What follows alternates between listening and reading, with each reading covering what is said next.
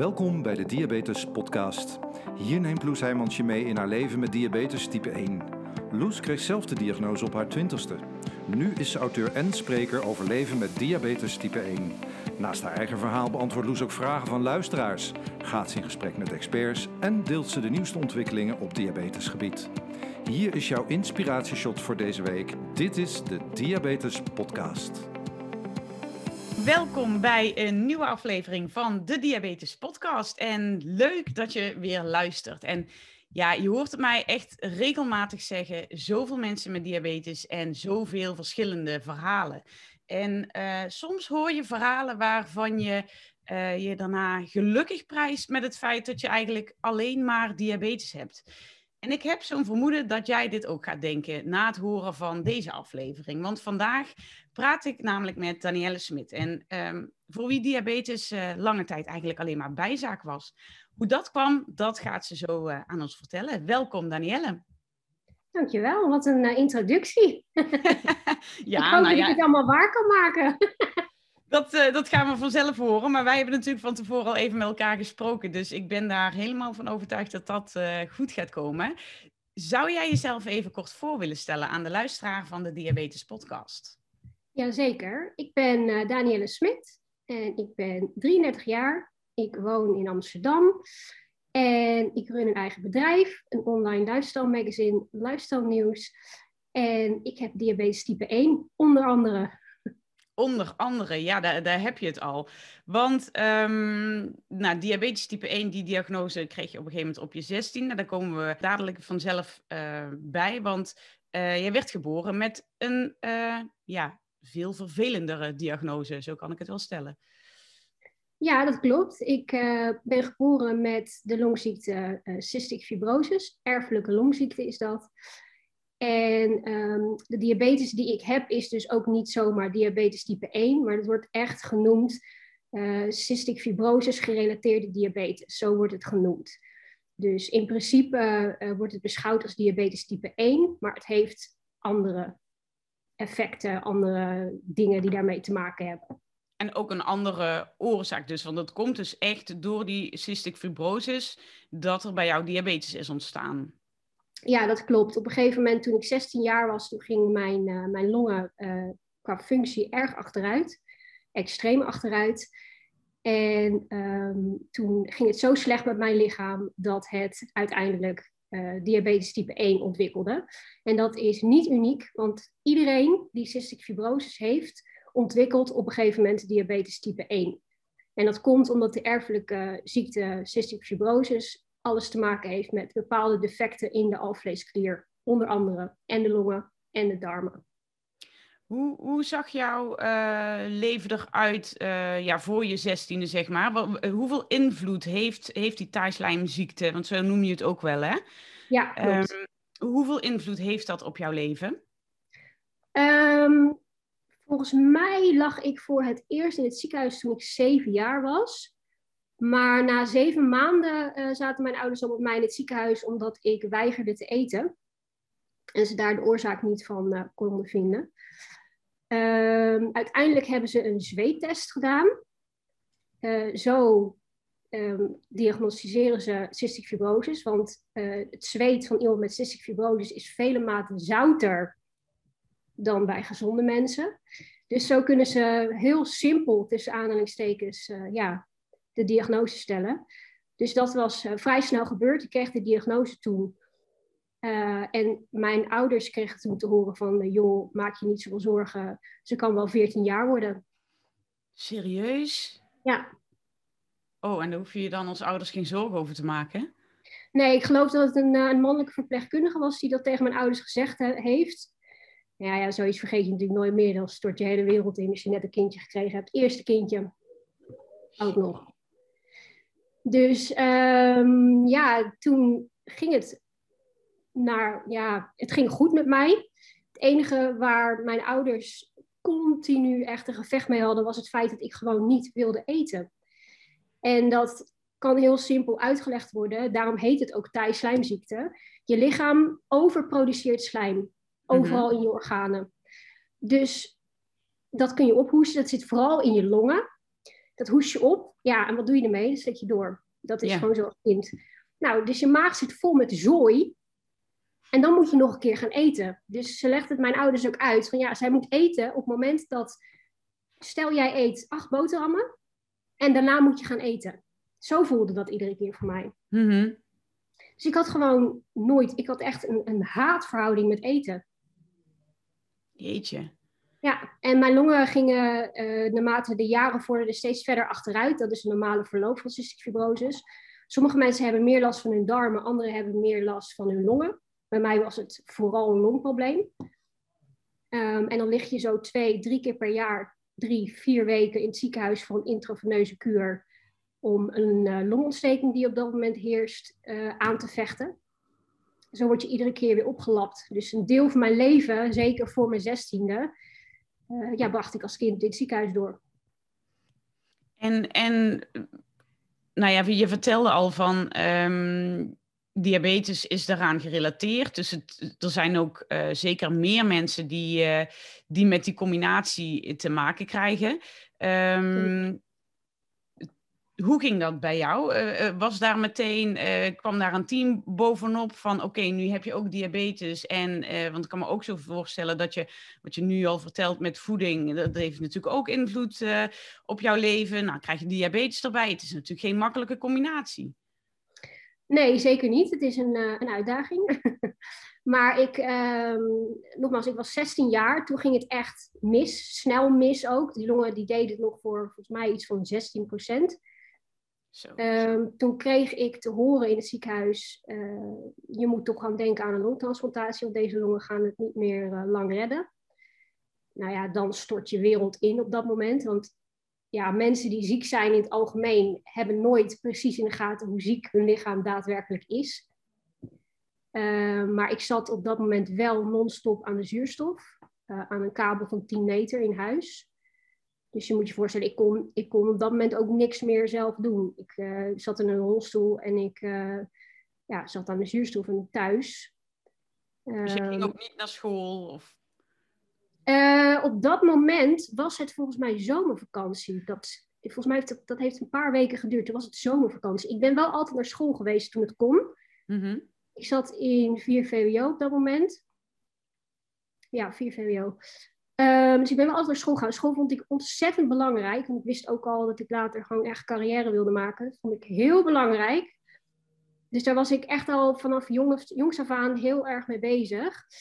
Um, maar ik was 16, toen ging het heel slecht. Toen ben ik naar huis gestuurd. Uh, want je wordt op een gegeven moment op een wachtlijst natuurlijk gezet.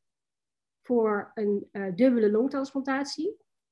Op dit moment zijn de wachtlijsten lang. Dat waren ze toen ook. Maar ik kreeg wel, uh, omdat het ineens zo ontzettend slecht ging met mij, wel uh, werd ik vrij bovenaan de lijst gezet. En uh, hoe de lijst zeg maar, tot stand komt, is nu heel anders. Dat wordt met LAS specificaties. Nu word je op de lijst gezet. Geen idee hoe dat precies werkt. Toen werkte het anders.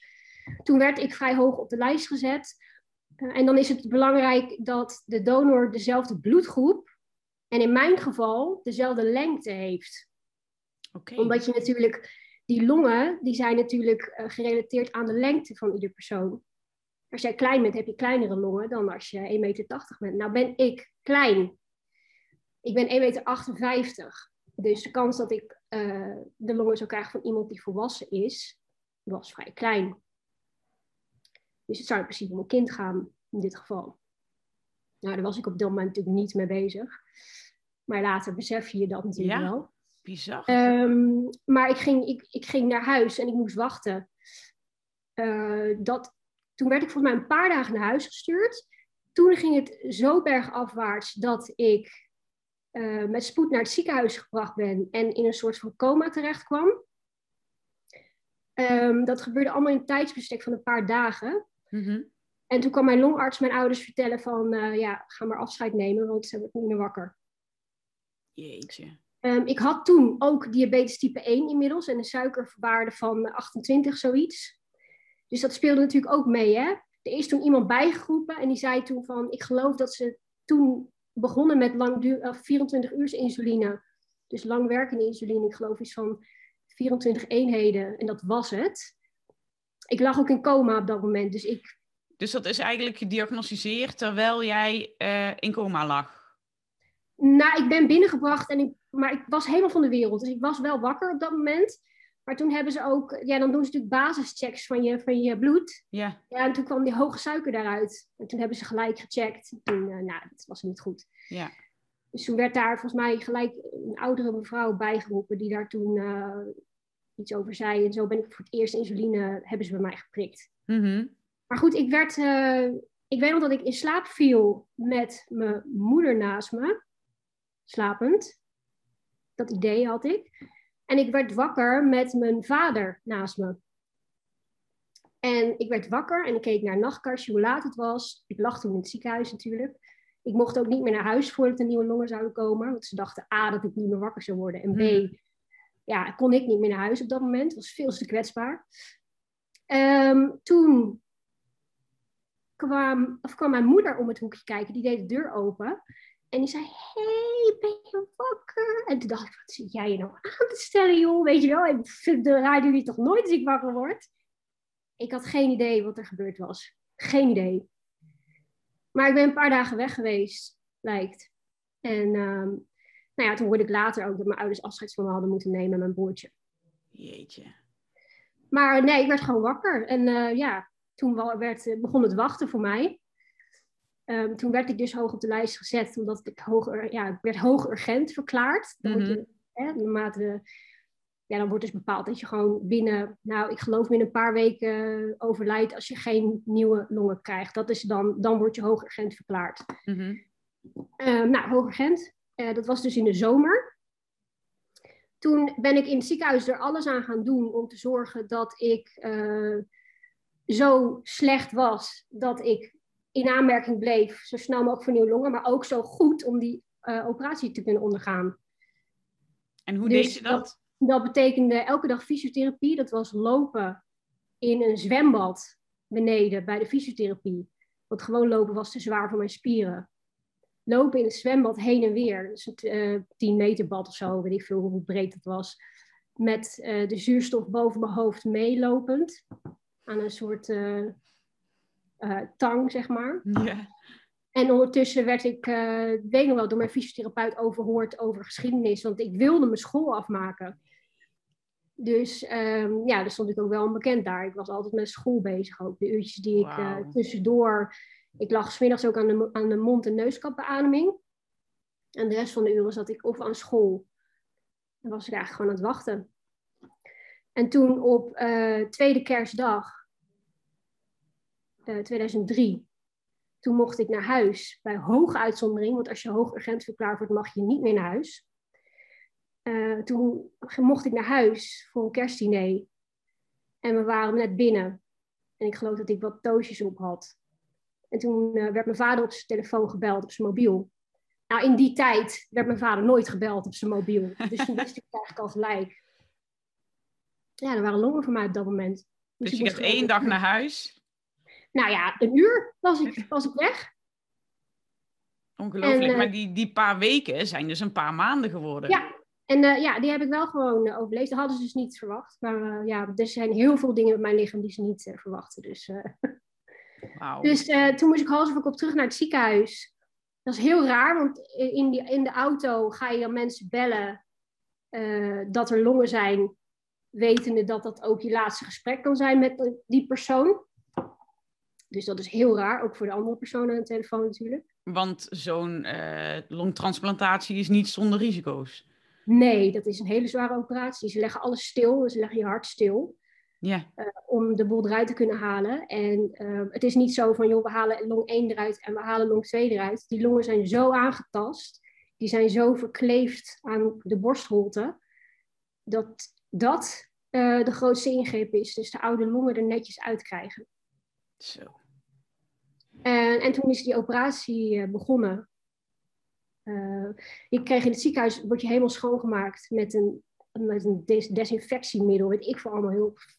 Mijn arts werd opgeroepen, die stonk naar de, naar de gourmet, dat weet ik nog wel. Want die zat ook aan het kerstdiner. Uh, die opereerde overigens niet zelf natuurlijk, maar ja, die, die, we zaten een half jaar daarop te wachten, dus hij was er natuurlijk ook gelijk bij mij. En hij zei, ja, we gaan, we gaan dit doen. Dus uh, nou ja, we gaan het doen. Nou, dan leef je in een soort roest. Dan word je schoongemaakt, je wacht. Op dat moment wist ik nog niet of de longen goedgekeurd waren. Want ze gaan dan eerst naar de overleden persoon toe. Uh, die gaan ze dan openmaken. En dan gaan ze kijken of de organen goed genoeg zijn. Maar op dat moment moet de ontvangende uh, partij moet al in het ziekenhuis zijn, als duurt dat te lang. Ja, ja, ja. Dus er zijn ook heel veel mensen die in het ziekenhuis komen, helemaal klaar zijn. En uiteindelijk te horen krijgen, die longen zijn te beschadigd, het gaat niet door. Jeetje. Ik niet. Ik kreeg te horen dat het doorging. Was vrij dichtbij ook. Uh, het ging allemaal vrij snel. Ik lag toen in het WKZ en ik werd toen per direct via de tunnel naar het volwassen ziekenhuis gereden. En daar werd ik geopereerd. Uh, 7, 8 uur zoiets. En ze waren inderdaad langst bezig om die oude longen eruit te krijgen. Ze waren inderdaad helemaal verkleefd. Het was echt een fotje, heel uh, onaangenaam gezegd, weggerold uh, orgaan. Er was, er was yeah. niks meer over. Er was echt niks meer over. Dat hebben ze eruit gehaald, nieuwe erin gezet. Uh, dat ging allemaal goed. En ja, toen mocht ik wakker worden op de IC. Aan de beademing. En heel veel mensen die vragen dan van, kun je dan ineens weer helemaal ademhalen? Nee, helemaal niet. Je, je, je wordt wakker zoals je ging slapen. En je moet helemaal leren opnieuw adem te halen. En van de zuurstof af te komen. Dan moet je lichaam helemaal gaan leren weer. Zo. Dat is gek, en, hè? Want je zou zeggen, nou, ademhalen, dat, dat, dat kan iedereen. Dat hoef je niet ja. te leren. Maar blijkbaar... Ja, nou dat... ja, dat kon ik ook. Met mijn hele lichaam. Om alle zuurstof ja. die ik... Uh, weet je, dus ik, dat ging gewoon heel raar. Dat heel oppervlakkig. En met, als je goede longen hebt en je ademt normaal, dan ga je gewoon hyperventileren als je zo ademt. Ja. Dat ging niet goed in het begin, maar dat, dat pas, pakte ik heel snel op. En op dat moment was ik degene die als snelste persoon weer thuis was, weet ik nog. Ik was en de allerjongste, 16 jaar, dat was nog nooit gebeurd. Er had nog nooit iemand onder de 18 in Utrecht getransplanteerd. Uh, en ik was binnen twee weken thuis. Zo van alle drains af en lopende. En uh, ja, dat dus. Ja, dus dat was wel heel uh, gaaf. Ja, er kan uren dingen, maar dat, ik was, kwam thuis en daarna begon het herstelproces, wat bij mij vrij snel ging. Ik was natuurlijk vrij jong en ik wilde gewoon heel graag. Ja. Uh, ik had toen dus ook diabetes type 1. Um, maar mijn prioriteit lag echt bij mijn longen en geen afstoting krijgen en zo gezond mogelijk leven uh, zoveel mogelijk uit de buurt blijven van mensen die ziek zijn. Omdat ik zware immuunsuppressen slik, dus mijn immuunsysteem wordt uh, sterk onderdrukt om te zorgen dat mijn organen niet afgestoten worden, mijn, mijn donororganen, want die zijn natuurlijk niet lichaams-eigen. Mm -hmm. Dat wordt ook aangevallen als je immuunsysteem 100% werkt. En inmiddels uh, ja, zijn we bijna 18 jaar verder. Hey, en, en hoe ging dat dan toen? Uh, want dan heb je zo'n heftige tijd achter de rug. Je hebt in coma gelegen, je hebt een superzware operatie ondergaan. Uh, in de tussentijd uh, denk je zelf, heb je, heb je nog energie om aan school te denken. Maar je hebt ook nog even diabetes erbij gekregen. En hoe, hoe ging dat voor jou dan in dat herstel? Want ik kan me, wat je ook al zegt, van nou, ik, ik had zoveel om over na te denken en, en mee bezig te zijn.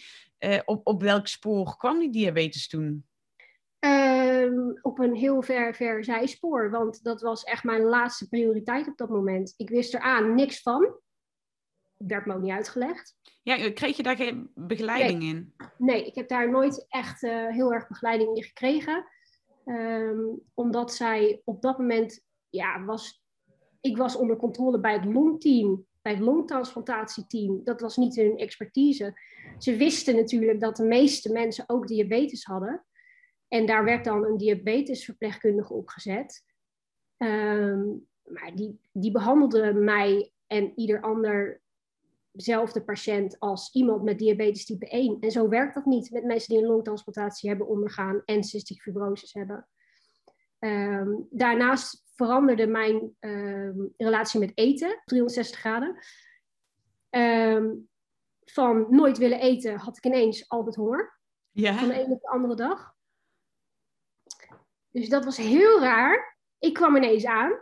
Hè? Ik had ineens een vet rolletje. Nou, daar was ik gewoon trots op. Maar mijn suikers waren hoog. Ja, uh, ik had alles wat ik wilde. Ik was gewend. Vroeger moest ik er alles aan doen om op gewicht te blijven. Ook voor transplantatie moest ik volgens mij vijf kilo aankomen om überhaupt geopereerd te kunnen worden. was volgens mij iets van, weet ik veel, 40 kilo of zo. Nog bijna niks. Ehm, ja, daar is al 10 kilo bijgekomen. En dat is veel op zo, zo weinig gewicht, zeg maar. Ehm, dat komt onder andere natuurlijk door de prednison die ik uh, dagelijks uh, slik. Maar dat is niet de reden om dikker te worden. Want ja, elk pondje komt door het mondje uiteindelijk. Hè? dus, ja, en als je suikers continu hoog zijn, dan pas je natuurlijk ook alles uit, hè? al die calorieën. Dus ik kon eten wat ik wilde uiteindelijk. Ik at gewoon heel veel. Maar als je cystic fibrosis hebt, is je energiebehoefte ehm, vele maten groter dan iemand die gezond is. Ik heb veel meer calorieën nodig op een dag dan iemand die gezond is. Omdat het minder goed wordt opgenomen, toch? Ja, mijn darmen werken goed, maar hebben, zijn snel geïrriteerd en nemen veel slechter voedingsstoffen op dan bij mensen die gezond zijn. Want in mijn darmen zit ook dat slijm. Mijn longen zijn getransporteerd, maar de rest van mijn lichaam heeft nog cystic fibrosis. Mm Dus die darmen die, uh, zijn kwetsbaar. En ik heb veel meer voedingsstoffen nodig dan uh, iemand die uh, gezond is. En op dat moment besefte ik me dat niet. Ik was 16 jaar, ik had net nieuwe longen, ik mocht net naar de kroeg, hè, 16 jaar. Um, dus dan drink je ook wat. Ik zat ook doen aan een martini bijvoorbeeld s'avonds. Nou, dat is natuurlijk vreselijk als je diabetes hebt. Dat is één suikerbom. Wist ik veel toen. Ik had geen afstotingen, mijn longen gingen goed, dus prima. Ik had energie voor life. En kijk, nu als je een hyper hebt, dan weet je gelijk, ik voel me zo moe, de suiker is niet goed. Maar toen, ik was gewend om helemaal geen energie te hebben. En dat had ik ineens wel, doordat ik nieuwe longen kreeg. Ja. Dus het besef dat die suikerspiegel niet goed was, die was er bij mij gewoon niet toen had je ook geen sensor. Uh, dus ik, ik wist maar op acht momenten op de dag hoe hoog mijn suiker was. En tussendoor wist ik helemaal niet wat er gebeurde. Dus, um, dus ja, dat was uh, lastig. Hey, en want uh, je zei net al even prednison, dat heeft bijvoorbeeld toch ook invloed op je, op je bloedglucose? Klopt. Prednison zorgt voor een hogere bloedsuikerspiegel. Mijn lichaam reageert daar heel heftig op. Dus uh, daarom heb ik veel meer kortwerkende insuline nodig in principe dan iemand die uh, gewoon tussen aanhalingstekens diabetes type 1 heeft. Mm -hmm. En ik heb weer minder uh, lang, langwerkende insuline nodig. Oké. Okay. Hey, en, en in de jaren die volgden, um, ben je je toen meer gaan verdiepen in diabetes? Of is dat eigenlijk altijd op dat zijspoor gebleven? Want je had nu natuurlijk eigenlijk gewoon een nieuw leven met, met die nieuwe longen. Uh, ging diabetes daar, daar nog wel een rol in spelen? Of hoe, hoe ging je daarmee om? Uh, dat heeft heel lang geduurd. Um, ik ben gaan studeren aan de Universiteit in Amsterdam. Ik ging daar wonen op mijn negentiende. Leefde gewoon een studentenleven bij de studentenvereniging. Ik deed alles wat ik leuk vond. Studeerde verder. Uh, vervolgens ben ik gaan werken. En dan kom je natuurlijk in een regelmatiger leven terecht dan merk je dat je meer energie nodig hebt. Ehm, toen ben ik ook wel vast bij een diabetesverpleegkundige gezet, die toegevoegd was aan het longteam. Um, maar nogmaals, je had geen sensor toen, dus ze keek gewoon naar mijn waardes acht momenten op een dag als je je bloedsuiker prikte. En die waren prima. Het enige wat te zien was, was dat die HbA1c gewoon hoger was. Ehm, en dat moest dan naar beneden. En dat werd me dan gezegd. Ja, hoe? Nou, geen idee. Van de diëtiste kreeg ik daar te horen. Je moet ook genoeg calorieën eten elke dag. Hè? Dus neem nog maar een boterhammetje extra. Of neem maar wat extra jus bij je aardappeltjes s'avonds. En dat gebeurt nog steeds. Dat zeggen ze nog steeds. Terwijl je dus diabetes hebt. Dus je krijgt gewoon heel verkeerd advies vanuit uh, dat team. Ja. Um, en dan maak ik een hele grote sprong, anders duurt het wel heel lang. Maar uh, vier jaar geleden, toen uh, uh, kreeg ik nog een leuke klap te verduren. Want toen ontdekten ze uh, bij toeval dat er een tumor in mijn linker donorlang zat. Dat was bij toeval bij een standaard controle? Of, of... Ja, ik moet elke vier maanden voor een uitgebreide controle. Dan, mee, dan maak ik ze een foto, dan moet ik mijn longfunctie laten meten. Dat doe ik overigens ook thuis elke week bijhouden, mijn longfunctie. Dus um, ja, vier jaar geleden, toen maakten ze een foto, daar zagen ze een klein vlekje op zitten. Nou ja, ze dachten over het algemeen gelijk dat het een ontstekentje was of iets lichts wat aan het herstellen was op dat moment. Um, maar de volgende dag, dat, dat zeiden ze omdat mijn waarden gewoon heel goed waren. Ik voelde me heel goed, uh, mijn longfunctie was goed.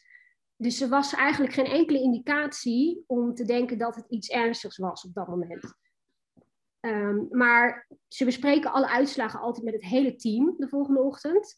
Uitslagen van iedere patiënt. En toen bespraken ze dat samen, keken ze naar de foto en lazen ze het verslag van de radioloog. En zeiden ze, we moeten toch even kijken, even zeker weten dat dit niks ernstigers is. Mhm. Uh, dus toen werd ik gebeld. Nou ja, dan, dan schrik je gewoon heel erg. Want ja, je haalt je allerlei scenario's in je hoofd natuurlijk. Vlek je op een longfoto. Klinkt niet best. Nee. Um, toen moest ik terug naar het ziekenhuis. Toen hebben ze een longpunctie gedaan. En dan gaan ze dus letterlijk um, met een naald via de buitenkant naar het plekje wat ze zien op de foto. Daar halen ze een stukje weefsel uit en dat gaat op kweek. Uh, dat hebben ze gedaan.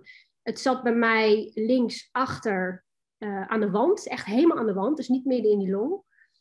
Uh, dat hadden ze gezien omdat ik tussendoor ook nog een CT-scan heb gehad. Om te kijken, een longfoto is natuurlijk gewoon heel plat. Dan zie je niet waar het in de long zit. Bij een CT kunnen ze precies zien waar het dan is. Uh, dus dat hebben ze gedaan, uh, longpunctie. En toen werd ik gebeld door mijn longarts. En die mij natuurlijk ook al jaren kende. Normaal was je natuurlijk uitgenodigd voor zo'n gesprek. Moet je twee ja. weken wachten op de uitslag. Maar goed, hij kende mij en hij zei: Ik vind het echt vreselijk om dit via de telefoon te zeggen. Maar ik wil je niet onnodig in de stress laten zitten en hier naartoe laten rijden. En dan uiteindelijk vertellen want het is niet goed. Het is kanker. En um, nou ja, als je dat hoort, dan denk je, wat, wat, wat leef ik nu? De, dat vier jaar geleden, je was nog geen 30. Nee, ik was 29. Ik zou 30 worden in juni en in, um, denk, in mei is het volgens mij geconstateerd. Mei, ja. En, uh, maar mijn arts zei wel gelijk, het is nog klein we zijn er vroeg bij, dus we gaan je weer beter maken. Het komt goed, zei hij. Nou ja, dat is, kan de arts natuurlijk zo nooit zomaar zeggen, als hij niet zeker weet dat er iets aan gedaan kan worden. Dus op dat moment hadden zij al alles besproken achter de schermen, wat ze konden doen. Er was al een chirurg ingeschakeld. Ze hadden alles al overlegd en het plan lag er al voordat ik wist wat ik überhaupt had. Zodat ze gelijk kon anticiperen, want ja, bij zoiets moet je natuurlijk heel snel zijn de meeste mensen met longkanker, die uh, uh, op het moment dat je, dat, dat je klachten krijgt, beter laat. Mm -hmm. um, en bij mij was het gewoon heel vroeg. Dus ze zeiden van, joh, je bent zo jong, je bent nog geen 30 jaar, we gaan je beter maken, we gaan er alles aan doen om te zorgen dat je gewoon verder kan leven. Dus ik werd toen uitgenodigd op gesprek. Daar werd uitgelegd dat ze uh, een longkwap weg zouden halen. Het was op mijn plekje van anderhalve centimeter, zoiets. Dat is natuurlijk klein op het oppervlakte van een grote long. Mm -hmm. Maar toch halen ze dan de helft van je long weg. Zo. Dus dat is heel veel. Toen schrok ik wel heel erg, omdat ik dacht, ja, daar ga, daar ga ik weer. Ja. Uh, want ik had twee donorlongen, maar geen 100% capaciteit. Um, ik had ongeveer volgens mij 60% zoiets. Ja, en als ze dan de helft van een long weghalen, ik dacht, ik hou niks meer over. Daar gaan we weer, ja. Ja, daar gaan we weer, ja. Wat heb ik dan nog voor kwaliteit van leven? Maar ja, op dat moment heb je geen keuze. Het is of dat, of je bent gewoon volgende maand, ben je er niet meer. Mm -hmm. Dus uh, toen moest ik die, uh, moest ik het gesprek aangaan met de thoraxchirurg. Um, en die, even kijken hoor. Nee, ik werd naar huis gestuurd en ik kreeg eerst een scan omdat ze wilden zien of ik uitzaaiingen had in de rest van mijn lichaam. Um, dat was het meest zenuwslopende voor mij. Omdat, uh, nou ja, dat hoef ik niet uit te leggen, denk ik. Als jij uitgezaaide kanker hebt op je 29ste, dat is niet best. Nee. Dus, uh, nou, die scan laten doen. Toen moest ik wel even tien dagen wachten op de uitslag. Zo. Um, toen was daarvoor al, ben ik uitgenodigd door de thoraxchirurg, die met mij uh, wilde overleggen hoe die operatie zou gaan verlopen. Daar ben ik toen heen gegaan. Ik zat in een hele grote vergaderkamer, weet ik nog, alleen met de chirurg en mijn moeder. En er werd op een heel groot uh, scherm werd, uh, mijn CT-scan laten zien. En toen zei ik van, nou, ik, ik, wil dat niet zien. Ik wil niet zien hoe het eruit ziet. Haal het eruit en klaar is Kees. Mm -hmm. Hij zei, ja, het is wel belangrijk dat je even goed ziet waar het zit en hoe het eruit ziet. En heb jij overigens al de uitslag van je scan? Ik zeg nee. Hij zegt, nou dat is goed. Dus er zijn geen uitzaaiingen gevonden. Nou ja, dan ben je al zo opgelucht van, oh mijn god, gelukkig, weet je wel, er valt Ja. wat aan te doen. Ehm, dus toen heb ik gezien hoe dat eruit zag bij 3D. En toen vertelde hij ook eh, hoe ze het gingen doen. Ehm, hij ging echt die long in om de tumor te verwijderen en die, die kwap dus te verwijderen eigenlijk. Eh, maar hij zou daar ook een longtransplantatie bij halen, omdat het een hele complexe operatie was, omdat ik donorlongen had. Eh, bij iemand die gezond is, zitten er gewoon twee losse longen in de borstkas en haal je daar een kwap af vanaf. Als je donorlongen hebt, eh, zeker na zoveel jaar, kan het zijn dat bepaalde weefsels verkleefd zijn in de borstkas weer. En dat er littekenweefsel is. En dat kun je natuurlijk niet zien op een foto, hoe dat eruit ziet. Nee. Dus hij zegt, ik weet pas hoe de situatie is op het moment dat wij je openmaken. Dus ik kan daar niks over zeggen. Maar hij zegt, ik wil het gewoon goed doen. Dus we gaan het met twee chirurgen doen. Eh longtransplantatie-expert en ik als thoraxchirurg. Dat ze dat gingen doen op die manier. En ja, dat ze ook iemand daar opereerde met longtransplantatie en longkanker. Eh, ja, vaak wordt het gewoon, meestal wordt het te laat ontdekt. Je vestigt het ene record na het andere, Danielle. Blijkbaar.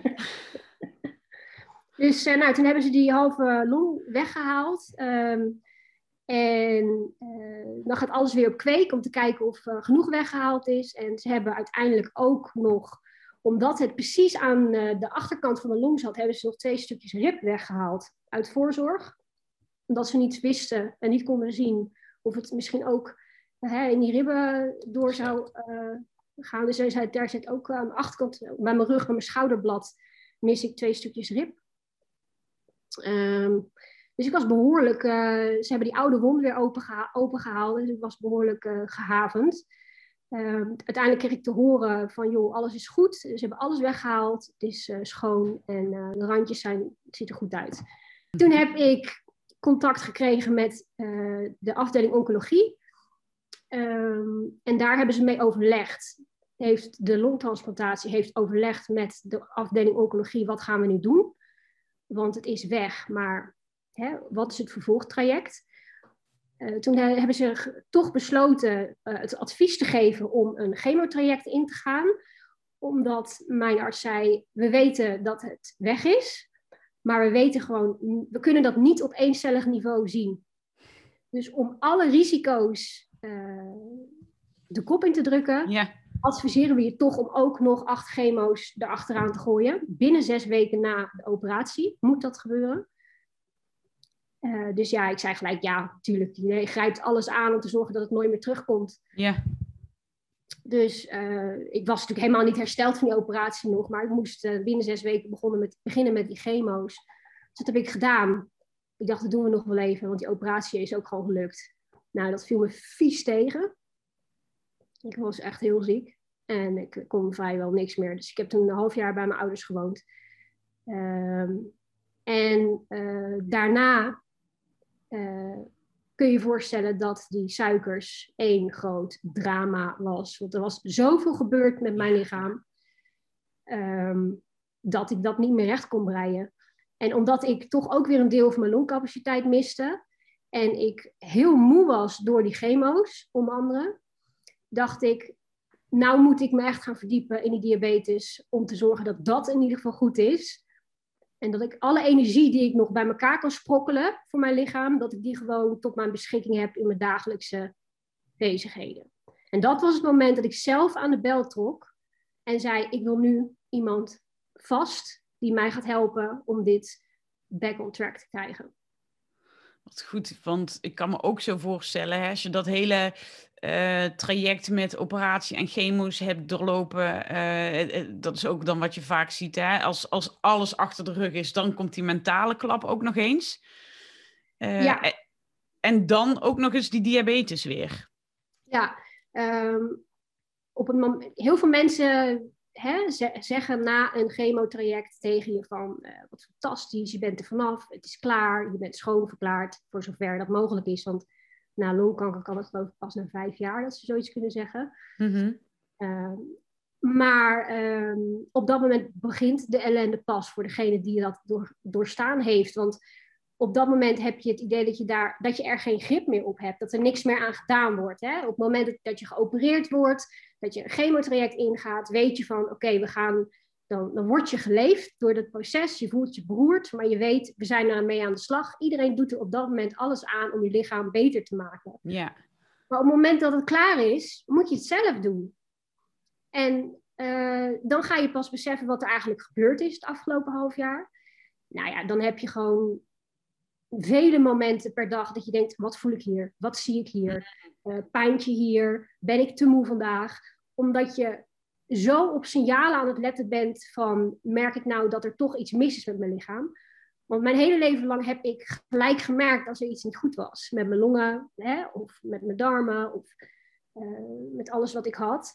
Maar op het moment dat, je, dat ik deze kankerdiagnose kreeg, voelde ik me heel goed. En dat is het verraderlijke.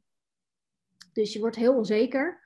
Um, en heel veel mensen zeiden ook van, uh, zal je teleurgesteld zijn in je lichaam en uh, hè, dat dit gebeurt? En ik, nou nee, want mijn lichaam heeft er juist hè, voor gezorgd dat ik hier na al die dingen nog steeds zit. En bovendien, die kanker die heeft nooit in mijn lichaam gezeten. Hè? Die zat in die donorlong en niet in mijn lichaam. Dus zo heb ik dat ook altijd gezien. Um, en natuurlijk zit het wel in je lichaam en, enzovoort. Maar voor mijn idee niet in mijn eigen organen. Dus niet in mijn lichaam. Dus mijn lichaam hè, heeft er... Het enige wat mijn lichaam voor mij gedaan heeft, is mij in leven gehouden. Dus ik was juist heel blij met mijn lichaam. Alleen je moet het vertrouwen terugkrijgen. Ja. Dat je niet bij ieder dingetje denkt van shit. Dus vandaar ook dat ik dacht, ik moet mijn lichaam nu zo gezond mogelijk maken. Dus we gaan aan de slag met die diabetes. Uh, en kijken hoe we dit uh, op orde kunnen brengen. Ja, hey, en dan uh, ben jij eigenlijk net uit dat, uh, dat traject en, en daarvan nog herstellende, dan wel mentaal. En dan komt er zoiets om de hoek kijken als corona. En ik denk dat heel veel mensen die link al hebben gelegd op het moment dat ze jou hoorden zeggen longziekte. Want nou ja, dat is natuurlijk vanaf het begin ook met, met COVID duidelijk gemaakt. Hè? Mensen met een longaandoening, daar kan dit gewoon heel gevaarlijk voor zijn. Hoe heeft dan het afgelopen anderhalf jaar voor jou eruit gezien? Ja, het afgelopen anderhalf jaar was voor mij heel geïsoleerd. Ik, ik, zag niemand buiten mijn ouders en mijn broertje af en toe. dus alleen maar digitaal. er kwam niemand bij mij in huis, ook mijn ouders niet om het zo bacterievrij mogelijk te houden. Um, maar het grappige is wel dat de manier waarop mensen met elkaar omgaan gedurende die pandemie, qua hygiëne en qua uh, elkaar niet aanraken, mondkapjes, is een veiligere omgeving voor mij dan dat het voor die pandemie was. Omdat ik al 18 jaar op die manier moet leven, omdat ik die immuunsuppressie slik. Dus ik moet 18 jaar al uitkijken voor iedereen die ziek is. Geen handen geven. Geen metro uh, handvatten vastpakken. Geen roltrap uh, aanraken. Ik, daar ben ik dagelijks mee bezig. Dus voor mij is er qua uh, behandeling van hygiëne niets anders. Maar nu let ineens iedereen om, zich, om mij heen ook zo extreem op zijn hygiëne. Ja. Dus dat maakt het voor mij veiliger. Want vroeger moest ik zeggen: nee, sorry, ik geef geen handen, gevaarlijk, bla bla bla. En nu raakt niemand je aan, blijft iedereen op afstand staan. Uh, mensen die ziek zijn, die zich aan de regels houden en die uh, rekening houden met andere mensen, die blijven thuis. Uh, dus het is voor mij, tussen haakjes, veiliger dan dat het was eigenlijk. Ja. Alleen, corona is, kan voor mij wel degelijk dodelijk zijn. Maar dat kan een andere griep ook voor mij zijn. Mm. Dus ik moet voor alles uitkijken. Ja, ja en dat blijft natuurlijk zo.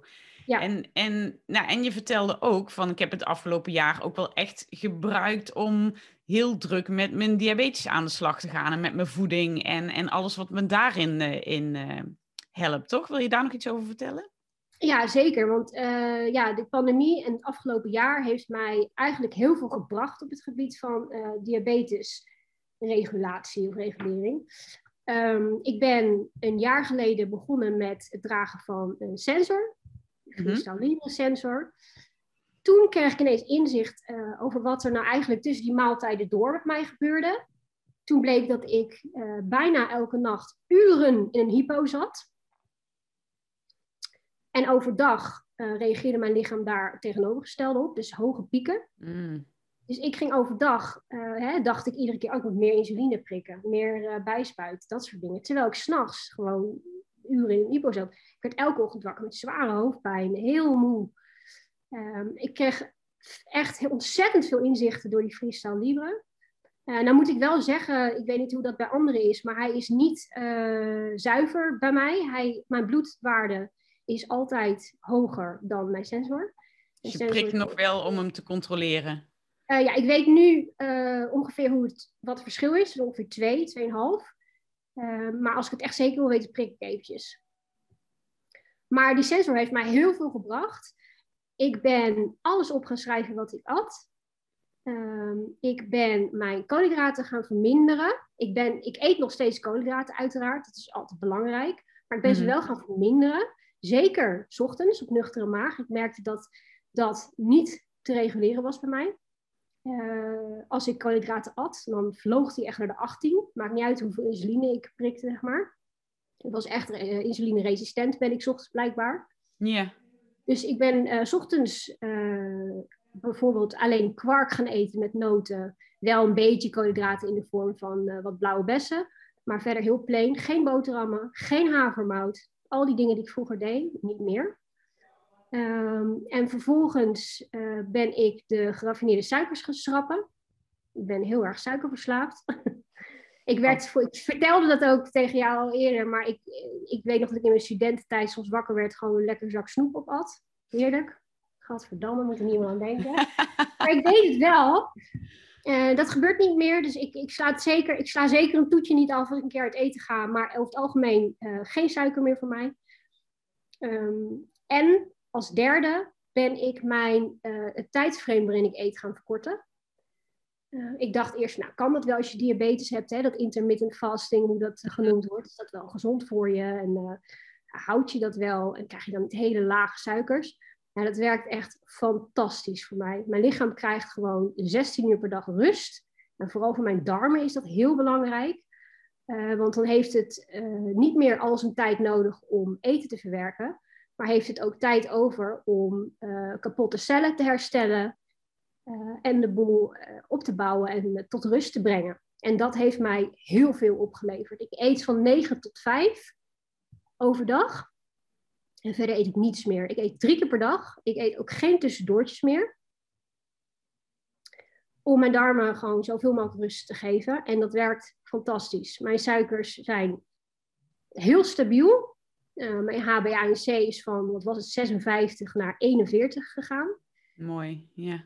Um, ja. Ik eet heel veel extra groentes. Om te zorgen dat ik wel gewoon de hele dag een vol gevoel heb. Mm -hmm. En ik zorg ervoor dat ik genoeg uh, calorieën binnenkrijgen. Want alleen groente eten is natuurlijk zeer ongezond voor een lichaam. Uh, en die, die calorieën die eet ik dan in de vorm van noten, pindakaas, olies, um, avocado's, dat soort dingen. Ja, ja, wat goed. Wat, wat, ja, ik vind het zo mooi om te zien dat je dus daar ook weer afgelopen jaren in, nou ja, wat voor veel mensen een hele lastige periode is geweest, maar dat, dat je dat juist hebt aangegrepen om, uh, om, om dit stuk uh, van je leven nu nog eens flink, uh, flink aan te pakken. En ik denk dat je, ja, jij, jij vindt jouw verhaal heel normaal, maar ik, ja, ik denk het is dat voor mij dat... gewoon mijn leven. Dus, en wat ja. ook wel belangrijk is, ook voor, de, voor mensen die luisteren, ehm, ik heb geen 9 tot 5 baan. En daarom is het voor mij heel lastig om uh, op specifieke vaste tijdstippen te eten normaal. Uh, door mijn werk als hoofdredacteur van uh, Lifestyle Nieuws word ik veel uitgenodigd voor etentjes, events, openingen op alle gebieden. Dus dat zorgde voor een heel onregelmatig leven. Dat viel in één keer weg. En dat betekende dat ik nu gewoon heel veel dingen kon testen door bijvoorbeeld zeven dagen lang precies hetzelfde te eten op dezelfde tijdstippen. En dat zorgde ervoor dat ik echt kon zien hoe reageert mijn lichaam nou. Is dit nou eenmalig, hè? of omdat ik me misschien wat meer moe voel, of reageer ik gewoon zo op eten. Dus dat heeft, dat heeft mij ontzettend veel gebracht. En uh, ja, ik heb nu ook een team, echt een team van uh, diabetesverpleegkundigen, drie dames die uh, rolerend zeg maar, werken met mijn dossier ook onder andere. Um, ik heb een internist die nu ook vast is en die ook heel erg geïnteresseerd is hoe ik dit allemaal doe en mij ook heel veel tips geeft. Dus het loopt nu heel goed. Maar ik heb er echt zelf om moeten vragen. Want dat is gewoon niet de prioriteit voor iemand met cystic fibrosis en longtransplantatie. Ik heb uh, echt alles zelf uit moeten zoeken. Ja. En daar zitten heel, heel veel uur aan research in. Ja, goed zeg. En als dadelijk alles weer een beetje mag, weer wat meer openingen, feestjes, etentjes. Ga je dan uh, wel je intermittent fasting een beetje loslaten? Of, of hoe kijk je daar nu tegenaan? Nee, ik heb een uh, extreme zelfdiscipline. Anders als ik dingen niet doe zoals ik denk dat het gedaan moet worden, dan voel ik me heel slecht. Dus dat helpt mij wel. Dus ik probeer dit vol te houden. Uh, bovendien zijn het ook allemaal dingen die niet gezond zijn die je krijgt bij een opening. Hè? Uh, taartjes, champagne, dat soort mhm. dingen. Dus het is helemaal niet erg om dat niet te, te eten of te drinken. Ik ga proberen en daar ben ik best wel streng in om dat gewoon niet te doen. Om bijvoorbeeld voordat ik naar zo'n event ga, s'avonds gewoon een normale maaltijd te eten. Zodat mijn suiker ook stabiel is en ik dat hongergevoel niet heb. Want dat heb ik als mijn suikers niet goed zijn. Ja. Uh, dus ik probeer dat wel. Kijk, ik wil wel gewoon leven. Hè? En ik, ik, het belangrijkste is dat ik weet hoe mijn lichaam reageert nu. En een keer hoge suikers of een laag is helemaal prima. Dat, dat kan je niet vermijden. Maar um, ja, ik merk dat ik gewoon zoveel extra energie heb. Dus het is mij gewoon niet waard om te cheaten. Dat is maar gewoon niet meer waard. Ik wil gewoon kunnen ondernemen. Dat vind ik het allerbelangrijkste. Kunnen genieten van uh, het leven, van mijn hondje, van mijn familie, van mijn vrienden. En uh, ja, ik heb niet voor niks zoveel jaar keihard gevochten om überhaupt in leven te blijven. Dus uh, het is nu tijd om te gaan genieten na 33 jaar. Hè? Mooi. Nou, dat vind, het, dat vind ik een prachtige afsluiting. En het is je ook van harte gegund, uh, Danielle. Want ik vind echt, ja, ik heb enorm veel uh, respect voor uh, nou ja, hoe je in het leven staat, hoe je met al je tegenslagen om bent gegaan. En ik denk dat dat echt een, een inspiratie kan zijn voor, voor heel velen. Dus dank je wel dat je, dat je jouw verhaal hier wilde delen. Um, en als mensen meer van jou willen weten, waar kunnen ze jou vinden of meer over jouw bedrijf? Um, mijn online lifestyle magazine uh, kun je vinden op www.lifestyle-nieuws.nl en op Instagram uh, ook onder die naam. En mijn persoonlijke Instagram account is, is Danielle Nicole. En ook op YouTube ben ik te vinden met twee video's per week over mijn dagelijkse leven. Uh, en daar heet ik gewoon Danielle Smit. Nou, dat moet helemaal goed komen. En ik zal de linkjes ook nog wel even in de podcastbeschrijving erbij zetten. Nogmaals dank Danielle voor het delen. En uh, nou ja, heel veel succes met alle mooie toffe dingen die je doet. Ja, het gaat wel lukken. En als er mensen zijn die dit verhaal horen en denken, ik heb toch nog vragen of dergelijke. Eh, stel ze vooral ook aan mij, want het vind ik hartstikke leuk om mensen te kunnen helpen. Ik heb uh, genoeg onderzoek gedaan inmiddels, dus leuk om mensen daarmee te kunnen helpen. Nou, super. Dankjewel. Wat een prachtig verhaal van Danielle. Nou ja, prachtig. Een super heftig uh, verhaal natuurlijk. Maar um, ja, goed, een van mijn lijfspreuken is altijd: uh, het is niet in het leven wat je gebeurt, maar hoe je ermee omgaat. En ik denk dat je deze ook wel heel erg goed uh, los kan laten op het verhaal van Danielle. Want hoeveel kracht uh, spreekt daaruit. En uh, ja, het is er inderdaad gegund om na 33 jaar uh, eens even heel goed van het leven, leven te gaan genieten. Echt wauw. Nou, heb jij dus vragen hierover? Laat het gerust weten. Um, heb je ook vragen voor mij voor een nieuwe podcastaflevering? Heb je een onderwerp waar je meer over wil weten? Laat het me gewoon weten. Hè. Je kan me altijd een DM sturen op Instagram, diabetes Of gewoon een mailtje, info.loesheimans.nl En uh, voor mij staat ook weer inspiratie uh, voor nieuwe afleveringen. Ik ga heel graag op zoek uh, naar de antwoorden om die vervolgens met jullie te delen. En um, ja, mocht je de Diabetes Podcast willen steunen, dan is dat ook te gek. Dan ga je naar petje.af slash de Diabetes Podcast. En uh, dat is niet alleen om, om mij te steunen, maar ook om zelf extra podcasts uh, te kunnen luisteren, extra blogs te kunnen lezen, met mij in een appgroep te komen of bijvoorbeeld het audioboek van Doe mij maar diabetes te krijgen. Dus check dat vooral ook nog even als je na uh, deze aflevering en de voorgaande 39 nog niet, uh, nog niet uitgeluisterd bent. Nou, dit was aflevering 40. Uh, eh, ik heb weer een paar mooie opnames ook nog op de planning staan. Dus uh, kan niet wachten om alweer de volgende met je te delen. Ik wil je hartelijk danken voor het luisteren. Zeg het voort. Hè. Laat even een screenshot achter en tag hashtag. Um, en tag de Diabetes Podcast erin. Um, en uh, ja, laat zien dat je luistert, zodat we ook nog meer mensen met diabetes en hun naasten kunnen bereiken om, uh, om al deze informatie via de Diabetes Podcast te verspreiden.